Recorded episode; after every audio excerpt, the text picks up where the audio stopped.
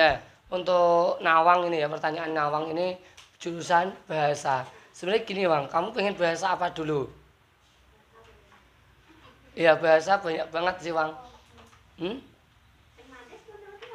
Sing sing sing apa? Sing mandes ya ya. Dia nggak tanyanya sing mandes bahasa apa? Bahasa hati nurani lah wes.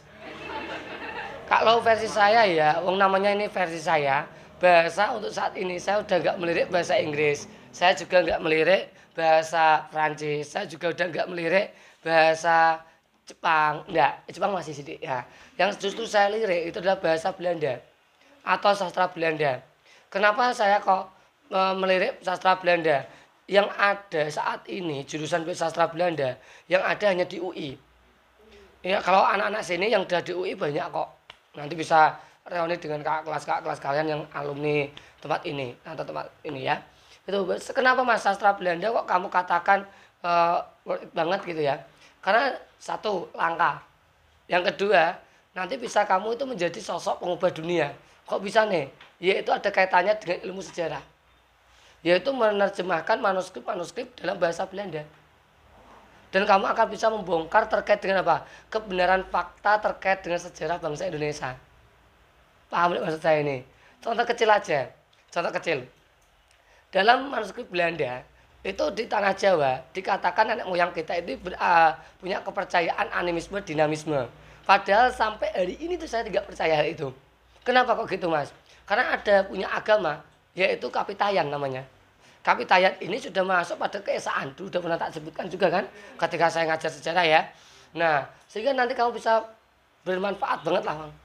Ilmunya itu dapat banget. Itu kalau sastra. Paham ya ini ya? Mungkin maksud saya. Kalau sastra Inggris kenapa Mas kok kamu nggak tertarik? Karena sudah terlalu banyak dan bahasa Inggris itu bukan bahasa asing lagi menurut saya itu. Kenapa? Hampir semua orang udah bisa. Mak saya aja fasih. Ya, bahasa Inggris mak saya fasih. Hmm bisa dimengerti tidak ini gitu ceritanya bahasa Belanda yang kedua bahasa Mandarin ya kenapa Mandarin karena tahu sendiri Cina ini menjadi kekuatan terbesar kedua di dunia setelah Amerika ngakunya kayak gitu dan bahasa Mandarin juga merupakan bahasa yang ini mana pengguna terbanyak lah sehingga di sini juga sangat berpeluang bagus itu sastra ini sastra ini cocok bagi anak-anak yang tidak suka matematika sih ya atau tidak suka ilmu hitung lah itu ya. Hmm. Padahal matematika itu bukan ilmu hitung loh ya. Nah, ya ada lagi, Wang mungkin pertanyaan. Saya... Oh, sulitnya apa? Ya kamu harus mengingat satu persatu kosakata yang akan kamu pelajari tadi. Nah, ini pertanyaannya bagus semua ini. Nah, ini nanti bahasa akan dikaitkan dengan komunikasi. Akan dikaitkan dengan apa? Komunikasi. Bagaimana sih komunikasi yang baik? Bagaimana tuh komunikasi yang menarik? bagaimana tuh komunikasi yang persuasif hmm, gitu makanya ilmu bahasa ini banyak sekali nanti juga kamu bisa menjadi seorang editor editor bahasa dalam buku. Contoh ya saya ini nulis buku. Nah ternyata ada beberapa kosakata yang sekiranya itu ambigu atau kosakata yang kurang pas nanti ada pihak editornya yang mengedit tata bahasa saya. Gitu ceritanya Wang betul Wang jadi menulis buku juga bisa. Nah keren kan? Sih menurut saya keren juga.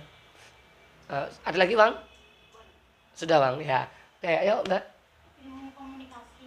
Ilmu komunikasi. Wah ngeri ilmu ilmu komunikasi di sini itu bisa dikatakan ya enak juga. Karena apa? Cocok untuk cewek. Terus diajari juga bagaimana sih komunikasi yang baik. Hmm, nanti kerja, uh, masa depannya ngapain kan? Bisa saja nanti jadi PR PR itu uh, public speakingnya suatu instansi gitu loh. Nah atau humas. Bisa dimengerti ya? Hubungan masyarakat. Memang ya ilmu ini ilmu ini itu kayak bulan nanggung. Pernah itu terjadi. Kayak bulan nanggung gimana kadang itu sering diserobot oleh anak-anak yang bukan pakemnya. Tetapi kalau kamu itu benar-benar senang banget dengan ilmu komunikasi nanti kamu akan menemukan satu hal, baru. Contoh kecil teman saya namanya Atkon oke ini kalau orangnya mendengarkan suara saya ya bisa senyum nanti orangnya. Ini juga enak dianya. Karena karena sekarang dia ini mempelajari tentang komunikasi uh, non linguistik yaitu terkait dengan masalah orang bisu hmm, bisa saja. Terus nanti juga bisa saja jadi tutor atau pengajar tentang bahasa orang-orang bisu. Misal seperti ini tuh artinya apa gitu. Iya saya punya punya teman itu. Satu klub motor saya ya satu klub motor saya itu dia itu bisu. Nah ternyata komunikasinya kan memang berbeda dengan kita kita kan. Nah itu nanti dipelajari. Penting ya selain jadi PR nanti banyak pekerjaan yang masih bisa kamu raih nanti lagi pertanyaan. Kenapa ngono oh, spek yang dibutuhkan anak seperti apa? Nanti ya ditunggu aja di podcast saya. Nanti tak bahas semuanya. Kemarin saya sudah dikomplain sama Fitri Dwi Lestari. Kok saya gak tahu apa bahas jurusan meneh? Ya karena sok sibuk aja sih. Biar kelihatan biar kelihatan sibuk aja. Sebenarnya gak terlalu sibuk amat sih. Cuma ben ketok ketok eh sibuk ngono. Ya ada lagi monggo masih lima menit. Oh is ilmu politik mau jadi apa kamu? Oh tanya-tanya aja. Nggak beli tanya-tanya tok gitu ya modelmu itu. Ya. Sebenarnya ini jurusan bagus kok. Serius. Bagus. Jangan kamu langsung deskripsikan wah politik nanti jadi koruptor. Enggak tapi nanti setidaknya kamu bisa membangun suatu instansi eh, suatu mekanisme bisnis dengan gaya politik karena politik itu artinya dari bahasa politis ya kan? Politis ya yang artinya atau maknanya itu adalah membangun kehubungan. Membangun hubungan. Bisa dimengerti? Teman saya ambil ilmu politik kan UI lulus tapi dari dagelan. Siapa? Iya Raditya Dika. Nah jadi di sisi lain kuliah itu jangan tanya kerjanya jadi apa tapi ilmunya apa sehingga nanti kamu itu benar-benar wawasannya luas. Dan setidaknya itu bermanfaat bagi diri kamu sendiri pribadi terlebih dahulu. Baru nanti ke masyarakat yang luas. Itu namanya karya. Lah itulah kenapa saya tadi menilai kesehatan masyarakat kurang begitu prospek. Loh mudeng maksud saya ini. Bagus deh ilmu politik. Sehingga nanti kamu tahu. Wih ini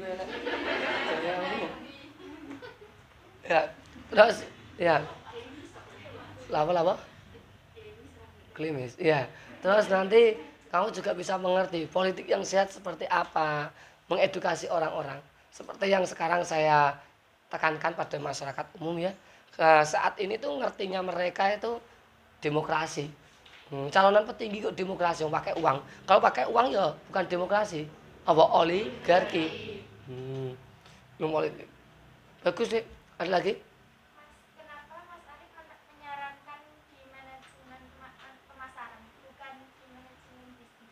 Oh kamu nih, karena gini, karena saat ini dua-duanya sih, tapi saya pertamanya manajemen pemasarannya dulu, atau manajemen bisnis karena orang tuamu sudah punya usaha ya, dan juga nanti tinggal memasarkannya yang baik lebih bagus seperti apa. Jadi kuliah itu sudah diplot sesuai dengan tujuan dan keinginan kamu, itu yang dibutuhkan, gitu loh, yang dibutuhkan saat ini dirimu seperti apa. Kecuali kalau kamu nanti pengen mendirikan usaha lain, Nah, atau saat ini orang tua kamu belum punya usaha, tapi kok pengen merintis bisnis, jangan manajemen, tapi apa? Bisnisnya. Karena nanti kamu akan diajari benar-benar cara berbisnis yang baik seperti apa, bahkan kamu akan dikasih tutor oleh dosen-dosen kamu tentang bisnis. Tutor itu beda dengan pengajaran loh. Sampai diajari kamu benar-benar bisa melakukan bisnis real, tidak hanya sekedar teori. Hmm. Makanya jangan langsung asal manajemen gitu uh, manajemen padahal orang tua atau kamu inginnya bisnis kan salah itu. Kalau manajemen itu tinggal lanjutin aja. Paham ya ini maksud saya? Ya misal orang tua saya sudah punya usaha katakanlah usaha toko bangunan. Nah sebenarnya saya nyindir rahma sih ini hmm.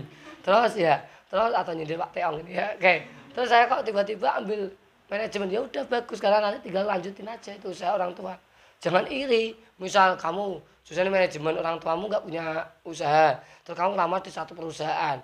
Nah perusahaan lah katakanlah teong corporate gitu kan.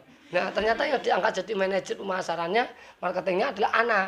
Terus kamu iri, kok langsung gitu toh? Ya wajar-wajar saja. Karena anak siapa? Anaknya.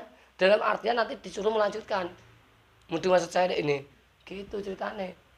Paham gak sih? Ada lagi masih satu menit? Oh ya, tim, ya. Gus ya, ya Gus. Oh, beda jauh.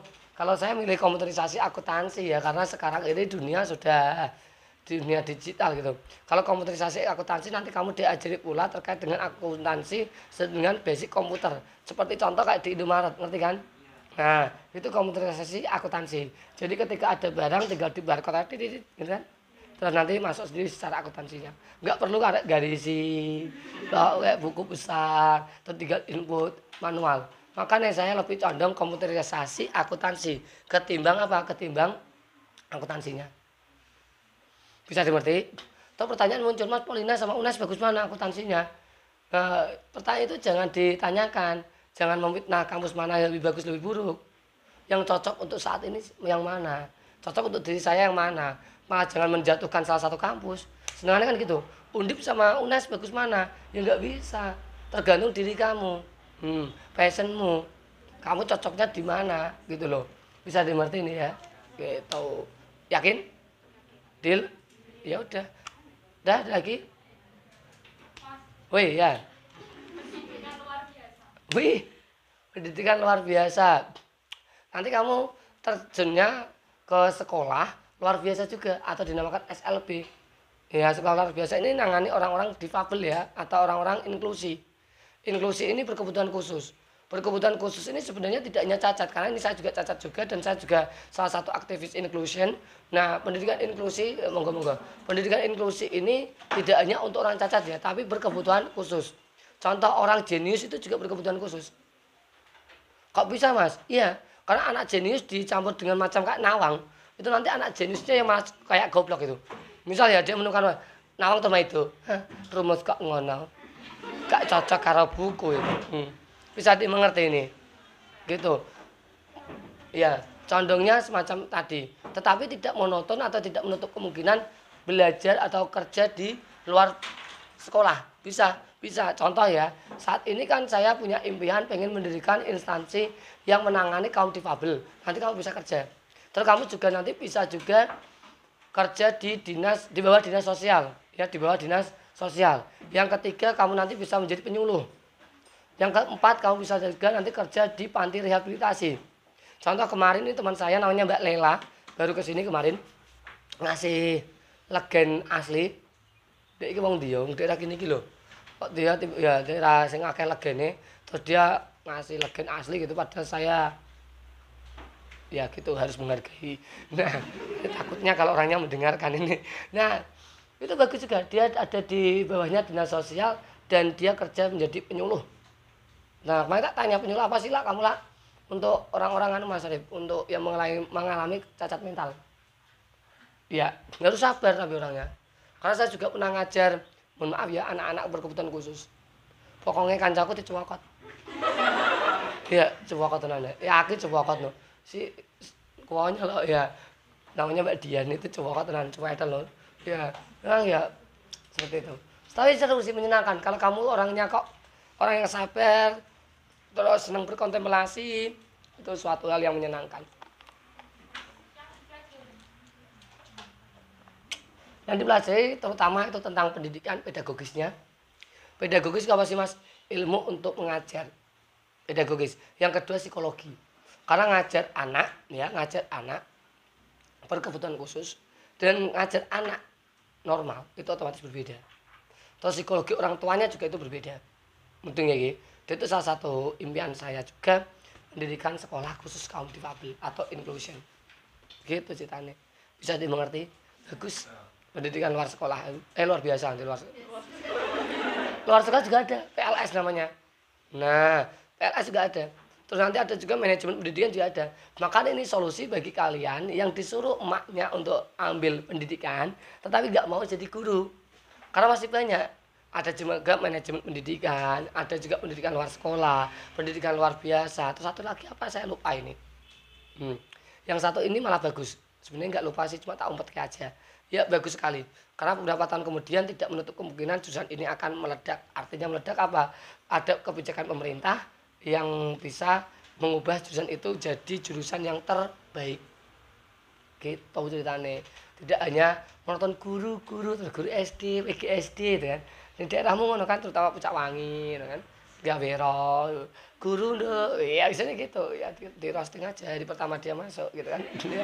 Sekalian ospek lah. Ya namanya siapa sih dek Putri. Ya, kalau kamu? Siapa? Oh, dungku mangale-ale ya. Iya ya saja musuh jeneng ale-ale. Ya. Gitu jadi. Ada lagi terakhir? Udah, udah kemarin udah udah ditanya kemarin. Eh, Ya, lainnya lagi. Ah, waktunya habis. Ya.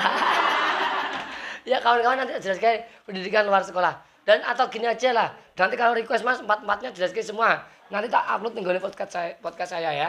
Meskipun podcastnya ya seperti itu adanya lah. Udah gitu dulu aja ya. Iya, sebentar. Gimana Pak Afifah?